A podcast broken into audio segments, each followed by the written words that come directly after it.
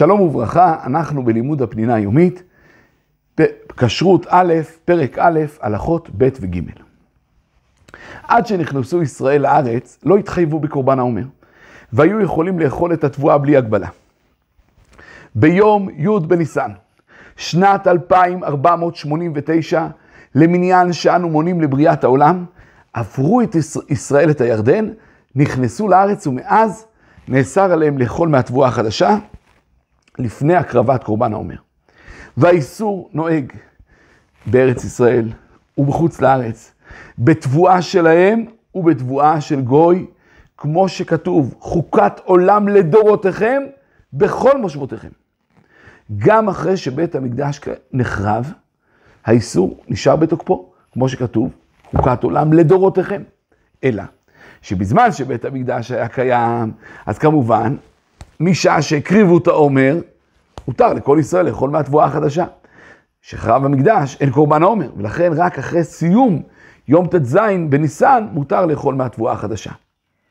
ודרשו את זה ממה שכתוב עד עצם היום הזה, עד אביאכם את קורבן אלוהיכם.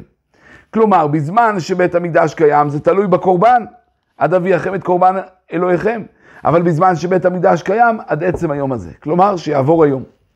בחוץ לארץ, שנוהגים לקיים שני ימים טובים של גלויות, צריך להמתין עוד יום, רק אחרי סיום יום י"ז בניסן, התבואה החדשה מותרת. הרעיון אולי של המצווה, זה שמהתבואה האדם מכין את עיקר המזון שלו. ולכן ממילא צריך דווקא בא להדגיש יותר את הערכים האלוקיים. ולכן ממילא צריך קודם כל לחכות, להתאפק, קודם כל להקריב את הראשית להשם, לזכור מה השורש של הכל, ועל ידי זה כל האכילה אחרי זה תהיה מחוברת לקדושה ולקדוש ברוך הוא, שהוא המוציא לחם מן הארץ.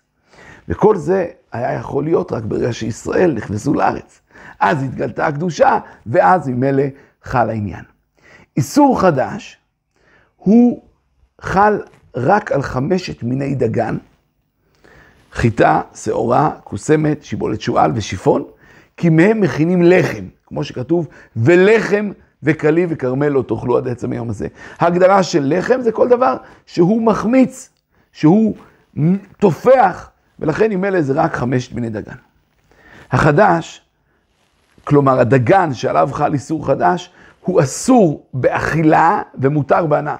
לכן עם אלה מותר להאכיל חדש לבהמות, מותר למכור חדש לגוי בתנאי שאין חשש שהוא יכשיל את ישראל.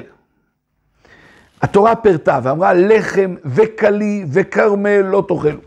דהיינו להגיד שהדגן החדש אסור בכל הצורות. לחם זה הצורה הרגילה שאנחנו מכירים, שעושים בצק ואופים. קלי זה גרגירי התבואה שהם כלואים באש. כרמל זה גרגירי חיטה חיים. אני אומר חיטה, וזה כמובן לא רק חיטה, זה כל הדגן. שהם חיים. גם אכילת תבשיל מדגן חדש אסור. כי הרי מהרגע שזה כרמל, מהרגע שזה גרגירים, כבר חל עליו האיסור, וזה שבישלת את זה לא מפקיע את האיסור. לכן ממילא בכלל האיסור כל מוצרי קמח, כוסמין, מורסן, עמילן, גלוטן, קוואקר, וכן משקה שיוצא מתבואה חדשה.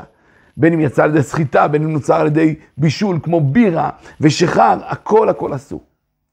כל שהספיק להשריש עד יום ט"ז בניסן, למרות שעוד לא צמח מעל האדמה, יום ההוא מתיר אותו. מה שלא השריש עד ט"ז בניסן, צריך לחכות ליום העומר של השנה הבאה.